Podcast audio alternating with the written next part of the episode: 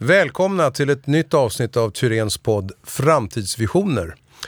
Idag ska vi prata om installation och om hur vi kan utveckla det som finns mellan väggarna med hjälp av den teknik som vi brukar kalla för Internet of Things, eller IoT som det brukar förkortas. Jag som leder det här samtalet heter Christer Insulander, jag är journalist och jag skriver en hel del om samhällsbyggnad och även pratar då i det här sammanhanget. Och med mig idag har jag två experter från Tyrens. Ni får presentera er själva och berätta vad ni jobbar med. Jag heter Andreas BM Fredin. Jag är affärschef på vårt affärsområde som heter installation. Enkelt. Och jag heter Per Bjärnäs och jag är någonting vi kallar BIM och IoT-strateg och jobbar med informationsförvaltning. Installation, alltså för mig som lekman är det ett väldigt vitt begrepp. Det är alltifrån installera tvättmaskinen hemma i lägenheten till ja, i princip allt. Så när ni pratar om installation, för det är ett eget affärsområde hos Syren, eller hur? Mm, mm. Berätta, vad är det ni syftar på egentligen? Alltså jag, jag, tänkte på det när jag gick hit, för utmaningen att förklara det, det är ju också att eh, jag vet inte riktigt vilka det är som är mottagare. Men alla ni där ute så eh, är ju installation ett nytt område på Tyrens. Eh, tre till fyra år gammalt skulle jag säga att det är.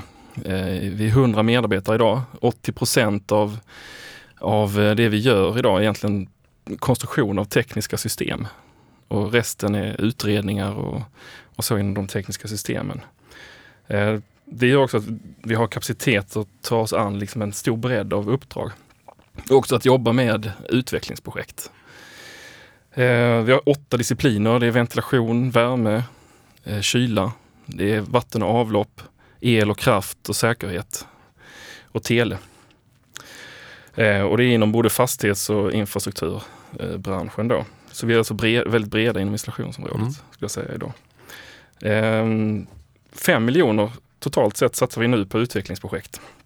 Och det vi håller på med nu det är att effektivisera vårt arbetssätt egentligen. Så att vi sen kan eh, använda mer tid till att utveckla andra saker som till exempel det här området som vi ska prata om idag, ja. IoT. Och då Per, kan du, kan du berätta för den som eventuellt inte vet vad de här förkortningarna IoT och BIM är? Vad är det för någonting? Ja, om vi börjar med BIM så är det ju byggnadsinformationsmodeller eller modellering eller management. Det beror på vilken del av kedjan man befinner sig i. Men framförallt eh, det jag fokuserar på det är ju själva förvaltningsmodellerna, alltså det som kommer från design, konstruktion och när man bygger en anläggning, en fastighet. Hur ska jag som förvaltare, brukare av fastigheten, hyresgäst använda den här informationen? Och eh, vad vi har gjort nu då tillsammans med Tyrens stiftelse är ju att helt enkelt utveckla kopplingen till Internet of Things då. In, sakernas internet eller Ja, egentligen är ju inte IoT ett tekniskt begrepp om man säger så, utan det handlar om information från de här prylarna.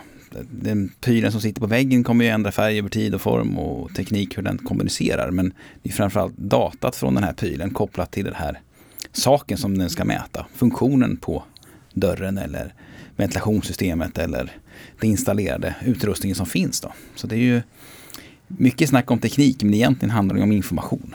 Vad ska vi ha informationen till och hur ska du använda den och hur ska vi utveckla vidare nya coola sätt att bygga nya hus. Ännu mer miljövänliga hus med att vi har lärt oss någonting hur faktiskt husen fungerar via den här informationen då, som kommer från IoT-prylarna. För mig är det här fortfarande ganska abstrakt. Eh, när du och jag pratade, så att säga försnackade Anders, då, Anders Andreas, eh, då pratade du om eh, ventilation som ett exempel. Kan du utveckla det? Ja, det som Per är inne på är att, eh, att Internet of Things samlar ju data som, eh, som eh, vi kan hantera kanske på ett annat sätt idag. Ta till exempel om man går in i en aerobicshall eh, och, och ska träna eh, så funkar det, och har funkat hittills idag som att att det sitter kanske en CO2 eh, koldioxidgivare som mäter CO2-halten i rummet och när den kommer upp till en viss nivå så ökar då luftflödet. Eh, det man istället skulle kunna göra då, det är att, och det finns ju redan produkter där man skulle kunna göra det idag, det är att sätta en, en eh, kamera eller någonting som, som ser istället hur många personer är det som kommer in nu och ska träna och vilken aktivitetsnivå har de? Och så skulle man kunna förebygga ventilationsflödet istället innan man börjar träna. Så att luften blir bättre fortare. Mm. Att den är egentligen bra redan från början, att man gör predictions. Man vet på måndagar, eh, det regnar, då är det så här många. Och är det fint soligt väder eh, och 25 grader ute, ja då är vi så här få. Och då styr man liksom ventilationen redan innan passen börjar. Så att det upplevs inte som en dålig luft eller kvalitet någon gång egentligen, utan det kommer vara konstant. För att systemet är liksom på tillräckligt bra nivå från början istället för att den går ner i botten och sen så blåser den på fullt ös.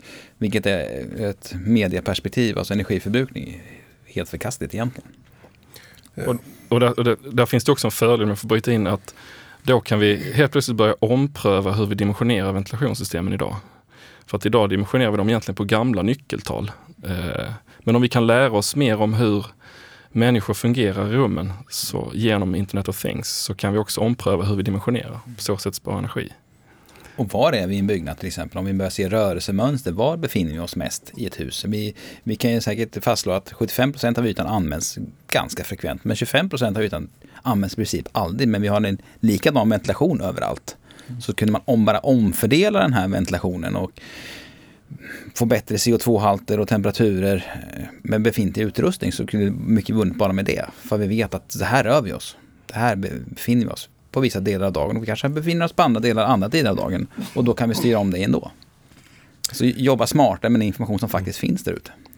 Och det här sker då, så, och hur mycket manuellt arbete kräver det? Är det någonting som systemet själv gör? Systemet tänker, systemet sparar information och är självlärande, eller hur fungerar det? Ja, inte idag. Alltså, problemet är att, att vår, så att säga, vår byggnadsvärld, förvaltningsvärld, är väldigt silostyrd. Styr och regler hamnar sitt, ventilation mm. hamnar sitt. Så allt det här liksom är silostyrt. Och problemet är ju att de här kan inte kommunicera med varann. Jag förstår inte vad det här systemet säger eller vilket värde den ska ställa in sig på. Och det är där, där BIM kommer in i bilden, att ett objekt är alltid ett objekt oavsett i vilket system som informationen används om. Så att det är därför BIM är liksom nyckeln på att knyta ihop styrregler med ventilation, med värme, kyla, närvaro. Allt det här liksom har samma språk och då kan vi också fördela informationen mellan de här systemen och då kan vi samverka mellan systemen. Och det är där liksom den riktiga vinsten kommer från att använda BIM och IoT tillsammans med förvaltningssystem och ja, installationen, installationen som finns. Då. Du har väl jobbat med eh, Nya Karolinska också, va? NKS, mm. med, med detta. Berätta. Ja, eh, 2009 eh, var det nog vi kom, fick en förfrågan då från eh, Stockholms läns landsting att vara med i projektet att eh, bygga Nya Karolinska. Och eh, vi hade ju aldrig hört talas om BIM innan någon av oss som, som kom från förvaltningssidan. Och det som var riktigt intressant med det projektet var att man frågar förvaltningen, hur vill ni förvalta det här i 25 år? Och först hade vi ju en period på sju år som bara var byggprocess egentligen. Alltså design, konstruktion, bygg, commissioning och sen skulle, nu först kommer patienten in, men vi har hållit på sedan 2009. Och att vi fick vara med från början som förvaltare och ställa krav på information, hur ska det byggas, vad är de smartaste lösningarna? Och det hade vi en av de största problemen. Vem frågar man 2009 om vem kan leverera 2017? Alltså, finns det här bolaget kvar överhuvudtaget? Finns tekniken kvar? Det fanns ett krav, kommer jag ihåg, det stod att det skulle vara LCD-skärmar i alla konferensrum. Men idag går det knappt att köpa en LCD-skärm, 42 tum. Alltså, liksom, man var tvungen att ställa frågorna på annat sätt, utan det var det informationen som var det viktiga. Och det jobbar vi väldigt tydligt med att eh, informationen kommer att överleva i princip all teknik över tid. Så det var där strukturen var viktig.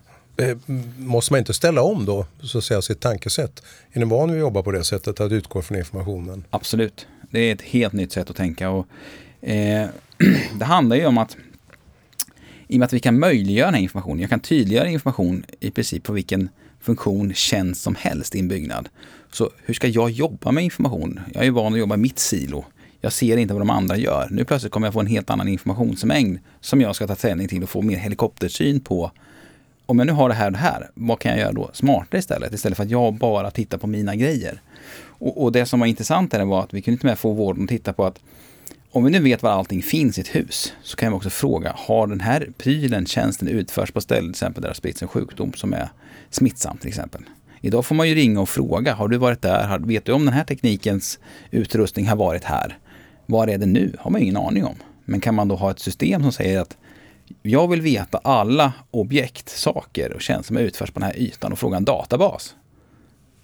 Då får du svar direkt ja, de här prylarna, de här personerna och funktionerna har utförts på den här ytan på den här tiden. Och då kan vi plötsligt stoppa eh, smittspridningen blixtsnabbt. Då vet vi vad vi letar efter. Inte bara först ta reda på vad är det vi ska leta efter och sen börjar vi leta. Utan vi letar direkt efter det vi faktiskt vet har varit här. Och på så sätt så kan man effektivisera informationsflödet på ett helt annat sätt. Det låter som om det egentligen inte finns några begränsningar. Nej. Eh, jag vet att eh, när jag pratade med dig Andreas så pratade de det också, liksom att det här är, eh, det här är en oupptäckt värld. Mm. Vilka möjligheter ser du om man, just när man kombinerar det som ni två arbetar med på er? Ja, men jag var inne på det idag, eller jag tänkte på det som du sa Per med att vi jobbar i silos, att systemen pratar inte med varandra. Men där finns det ju enorma möjligheter att få eh, utveckling. Tänk om man bara tar ett exempel på kontoret där vi sitter, Tyrenskontoret, så finns det ju personer som eh, upplever att det är väldigt kallt medan andra tycker att det är väldigt varmt. Alltså det, skil, det skiljer sig väldigt mycket och då kanske den som tycker det är kallt klagar och så höjer man temperaturen och då tycker den som, eh, eh, som tycker att det är varmt tycker att det blir för varmt.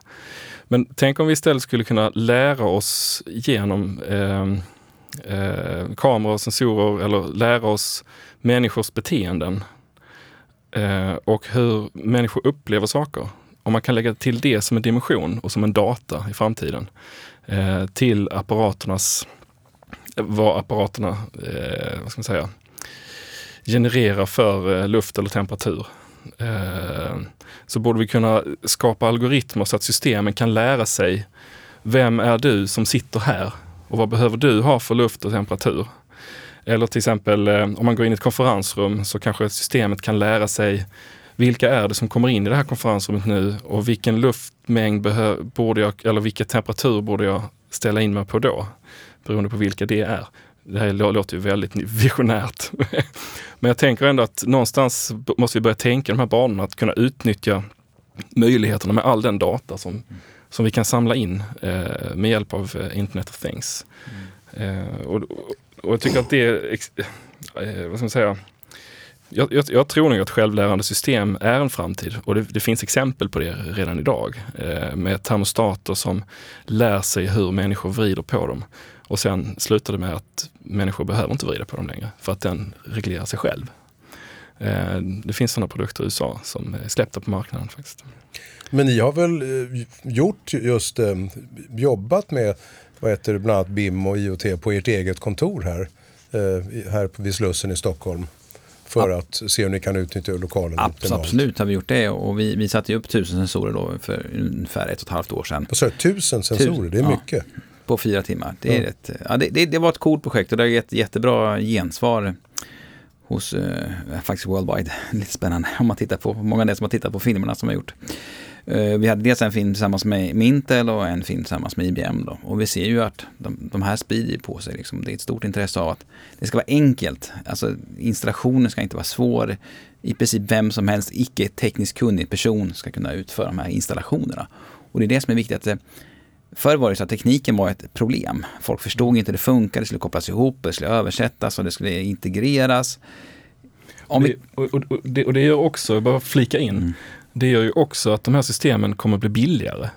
Mycket. För att de är, än, än vad de är idag. För att det som jag visionerar om här, det skulle säkert vara möjligt att göra men det skulle inte vara kostnadseffektivt. Det skulle inte vara, det skulle liksom inte vara värt det för någon att göra allt det där. Men, men just det som du berättar nu så, så kommer det ju skapa att det skulle kunna bli ännu billigare. Absolut, och, och framförallt är att du pratar om persona-informationen, du pratar om preferred temperatur till exempel. Jag mm. trivs i 21 grader och det ska vara den här, den här kvaliteten på olika saker. Och det är ju, det är ju sånt som jag lämnar ifrån mig på min wearables eller min mobiltelefon egentligen redan idag. Den här datan existerar faktiskt vad jag trivs i. Det finns massa analyser på dig som person.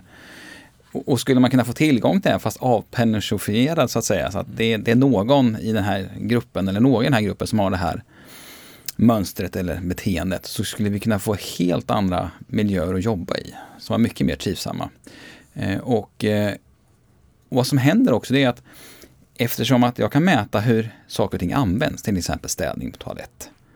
Vi, på mitt förra jobb så gjorde vi mätningar att 25% av alla städningar som var klockade vid viss tidpunkt, de var helt onödiga. Toaletten var ren. Men i kontraktet står det städa toalett. Ja, men då städar städaren toaletten för det står i kontraktet. Annars kommer någon säga du har inte städat. Nej, men det behövdes inte. Du har inte städat. Och då, då var det liksom fel diskussion. Istället för att säga att ja, men nu har det varit 25 personer här. Då städar jag.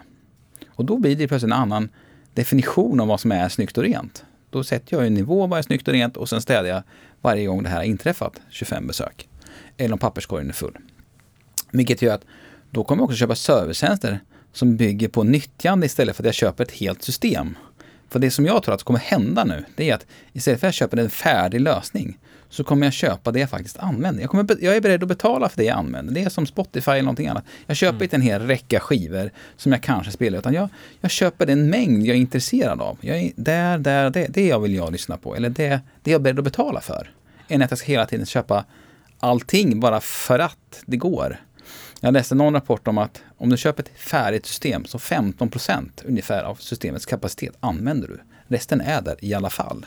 Och jag tror att vi som eh, bolag eller vi, vi som samhällsbyggare mm. faktiskt kommer behöva lära oss att precisera hårdare vad är det faktiskt kunden vill ha och vad det kunden kommer faktiskt använda. Och det är det kommer de vara beredda att betala för och sannolikt kanske betala bättre för. För då är det precis vad de faktiskt vill ha. De vill inte köpa brett utan de vill köpa det här vill vi ha. Och då tror jag att det faktiskt det blir en annan typ av köpa tjänst. Det här låter ju, alltså inte minst ur ett hållbarhetsperspektiv så låter ju det här oerhört spännande. Mm. Mm. Tycker jag, som inte alls håller på med forskning överhuvudtaget. Eh, men ni på Turens, hur, hur, hur, jobbar ni med er forskning runt det här? För det måste ha ett nära samarbete med de som tillverkar, producenter av de produkterna. Hur, hur... Eh, absolut, eh, det är ett nära samarbete. Eh, jag, ska gärna, jag ska nämna ett annat forskningsprojekt som, ja det har ju till viss del med installation att göra, men eh, det som vi kallar Quiet Track som är Just det. Eh, som det har varit en en eh, podcast tidigare om. Eh, där vi då mäter ljudalstringen från spåret när tunnelbana kör och sen kan vi då analysera den och eh, den datan och tala om om spåret behöver underhållas på något sätt. Och det är klart att eh, idag har vi inte den eh, eh jag ser, vi, har, vi har inte några direkta utvecklingsprojekt kopplat till installation och IoT idag, men om man blickar framåt lite så skulle man kanske kunna ta Quiet Tracks idé och applicera den på maskiner, installation. Säg att man har en fläkt eller en eh, pump eller någonting och så mäter man ljudalstringen från den och så lär man sig hur den låter när den mår dåligt. Så skulle vi kunna eh, eh, på något sätt hjälpa till att, eh, att serva den när det behövs istället för att eh, ha ett fast intervall. Lite det som du är inne på. Det blir en annan affärsmodell och eh, kunden betalar bara för det som den vill ha. Eh, istället för att betala löpande hela tiden för ett underhåll mm. som inte behövs. Och jag kan spinna vidare på det att vi det vi har lärt oss eh, kring IoT och BIM är att vi måste ha ett ekosystem. Vi är ju inga IT-leverantörer. Vi förstår hur information fungerar, vi kan knyta ihop information med annan information typ från IoT. Men vi har ju inga IT-plattformar att alltså, lägga det här datat i. Så vi, vi samarbetar ju både med IBM och Microsoft och eh, faktiskt faktiskt även Intel. Och, och Intels intresse är att ja, klart, de vill ju sälja fler sensorer som det finns processorer från Intel eller plattformar som finns från Intel. Och, och det är ju inte så att vi behöver jaga dem utan det är mer att de jagar oss för att de ser att det här är en affärsmöjlighet. Du pratar om oändlighet med, alltså vart är vi på väg och hur kommer det se ut? Ja, det är ingen som riktigt vet. Och, och det de ser det är ett stort greenfield det finns en stor mängd information där ute som är analog idag. Det är pärmar. Jag säger även att en CD-skiva är analog för jag kan inte komma åt din CD-skiva eller din CD-disk. Det är liksom, det är död information för mig. Men har jag den digitaliserad och molnbaserad så plötsligt kan jag, får jag ju användning av den. Om jag kan läsa den. Så, så det här ekosystemet känner vi att det har ju varit en nyckel för oss. Att komma vidare och liksom kunna presentera egentligen end-to-end lösningar till kunden. Att det här är liksom, du kan köpa det som tjänst av oss. Du betalar inte per timme, du kan kanske betala per någonting annat. Per kvadratmeter eller per någonting annat. Och det här är den stora frågan. Alltså hur ska affärsmodellerna faktiskt se ut framåt? Är, mm. Kunden säger att jag vill betala på annat sätt, men vi måste komma överens om vad är det faktiskt kunden vill betala för? Vad är betalningsviljan? För digitaliseringen är ju det, är det absolut hetaste som går att prata om just nu. Eh, och alla vill ha en digital agenda men alla är inte riktigt säkra på vad är vår digitala agenda? Hur ser den faktiskt ut? Du, du nämnde också smarta elnät som ett exempel när vi pratade. Ja, just det, lite kort. Hur fungerar det? Eh, det handlar väl egentligen om att eh, man kan styra toppar och dalar i elanvändningen och kanske låta eh, eh företag eller personer använda el när den är som billigast och att man också kan leverera el på nätet. Och att elnätet inte bara är eh, ett elnät utan även ett kommunikationsnät i, i samhället. Får gärna utveckla Per. jo, nej, men jag, jag, tycker, jag, tycker, jag tycker det är jättesmart med, med, med smart grids och, och, jag ser, vi har ju vår tjänst Solkartan till exempel som jag tycker är en eh, riktigt grym grym teknisk lösning faktiskt. Mm. Eh, och informationsplattform framförallt. Och jag känner att här, här finns en massa outnyttjad potential. Skulle jag kunna sälja det som tjänst istället för den som en produkt och säga så att ja men eh, du får tillgång till Solkartan plus alla, ett adressregister kopplat till det här så är du producent. Eh, Ska jag bara, förklara för lyssnarna som inte vet vad Solkartan är? Solkartan, ja sorry, lite snabb där. Eh, Solkartan är ett webbaserat verktyg där du kan klicka på ditt hus. Om du bor i Uppsala till exempel så kan du ta fram ditt tak och så kan du klicka på ditt tak och så kommer du få ut energivärdet av att sätta upp solceller på ditt tak, även väggar faktiskt. Och eh, med viss verkningsgrad och viss yta så kommer du kunna producera en viss mängd el. Med det, med att vi vet hur mycket sol i genomsnitt som lyser på ditt tak och vilken vinkel det har och så här. Vilket gör att man skulle kunna tänka sig att producenter kan köpa det som tjänst och låna ditt tak över tid. Jag vill låna ditt tak i tio år. Du får köpa den energin av mig billigare än vad du köper på marknaden till exempel. Det finns en massa andra saker man kan tänka sig. Så har du en kanske en tvättmaskin som är kopplad till en prognoskarta som säger att klockan 12 imorgon, då kommer det vara billigare för då kommer solen lysa. Och det är augusti och det, då, är liksom, då kan du få till och med få det gratis. Om du gör det just då. Alltså vi kan få ett helt annat sätt att använda vår energi än när alla andra använder klockan sex när man kommer hem och satt på diskmaskin, tvättmaskin, spisen och allt det där andra och allting bara dånar genom huset. Istället, ja men den kan väl, när solen lyser som mest, då kör jag min tvättmaskin.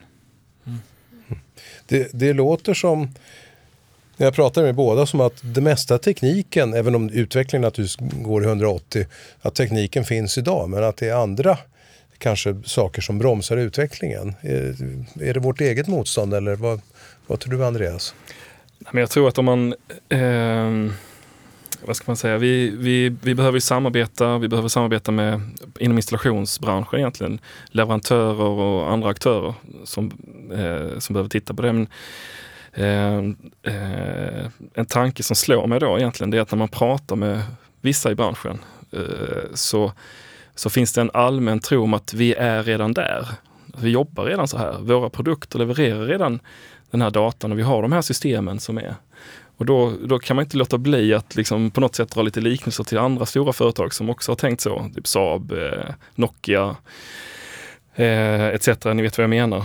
Eh, och då kanske det handlar mer om att våga se att det kommer någonting annat. Och frågan är om, om eh, vår bransch är, är, är mogen för det. Eh, så, så, så, min uppmaning är att vara lyhörda för det här på något sätt. Både konsultbranschen och leverantörsbranschen. Eh, att, att det kommer någonting och jag tror att eh, det kommer komma mycket startups inom det här området som kommer att kunna konkurrera ut eh, styr, reglera och övervakningsbranschen. Eh, men eh, Per, finns det inte ett integritetsproblem här? Visst gör det det. Desto mer som övervakas och det som jag kan koppla mig som individ kommer ju kännas hotande. så att det är ju ett, det måste vi hantera. Men det som är kan tycka är skönt, men i alla fall de sensorer som vi hittills använt, de är ju avpersonifierade. Det är ju inte jag som individ. Till skillnad från din mobiltelefon, det är ju faktiskt du som är inloggad som individ. Och all den data som kommer därifrån är ju väldigt personlig och väldigt exakt var, när, hur du gör saker. Så att den informationen finns ju egentligen redan där. Bara att vi, vi tycker att det känns mycket jobbigare om vi gör det i en, en arbetssituation. Att någon kan följa mitt mönster. Men så fort du har en mobiltelefon så är det faktiskt du. Även när du är i en byggnad. Så att det där, vi måste hitta ett sätt där vi kan liksom, att tills det är okej, okay, till den nivån där det är okej okay, och sen får vi försöka hitta en, att den funkar tillsammans med våra system. Men då var vi inne på det här med aktörer. En aktör som vi måste jobba med det är ju alltså kunden, slutanvändaren. Mm. Förstå att det här är möjligt. Mm. Att all den här tekniken redan finns. Och de kan ju använda, slutkunden kan använda det här i, i sitt hyresförhållande till en hyresvärd i en fastighet till exempel att eh, verifiera att, inte, att någonting inte fungerar eller att någonting inte är som det är. Ja. Eh, det kan vara väldigt kraftfullt. Absolut, kundens kund. Så att även om jag nu gör den här BIM-modellen i 3D och jag kan få den, en digital modell av min, mitt hus, min anläggning, så kan ju kunden, alltså hyresgästen, inte fastighetsägaren, hyresgästen, också använda den och hålla reda på sin utrustning eller som jag sa, städning, säkerhet, vad den är. Så alla kan ju använda samma så säga, informationsmodell fast i olika syften. Vi har den när vi bygger, vi har den när vi förvaltar, vi har den när vi äger och hyr ut och vi har den när vi faktiskt är i, i fastigheten. Nu är, det, nu är det jag själv som flummar ut lite grann. Men jag, jag ser en bild framför mig när hela nya bostadsområden byggs på det här sättet. Absolut. Just utifrån det som du säger, från, från processen, tillverkningen fram till, fram till slutanvändarens liv i vardagen. Jag tänkte vi kan föra tillbaka till tillverkaren att den här dörren, ja det var, det var en bra modell för den har hållit i alla våra fastigheter. För jag kan samla in den datan. Men den här, mm, den var inte bra. Vi har många problem med den. Och jag ser vad, i vilket sammanhang den dessutom går sönder. För jag vet i vilken miljö den finns i. För jag vet vad den finns i byggnaden. Som gör att alltså, leverantörens leverantör kommer få information. Kundens kund kommer få information. Men det är fortfarande samma informationsstruktur vi använder till, till, alltså, egentligen i alla led. Och det är det som jag tycker är så coolt med det här. Att det liksom, vi vet inte hur långt snöret är. Nej. Och vi vet inte hur tjockt det är heller. Men, men det, det, det är liksom, det är som att... Men det är förmodligen ett snöre. Ja, det är Eh, förmodligen det. Det är förmodligen just det. Ja. Kanske gummiband börjar jag känna mer. Ja. Ka- Kanske Ja. mer ett gummiband eller fiberkabel eller något. Jag vet inte. Det låter som en bra avslutning om det inte är någon som känner att ni har något att tillägga. Någonting som ni vill ha fram, har era visioner inom det här området. Hur lång tid har vi på oss? Då, ja, då avslutar vi med gummibandet och vi tackar Andreas och Per för att ni kom och Tack tack för att ni lyssnade på oss. Tack så jättemycket.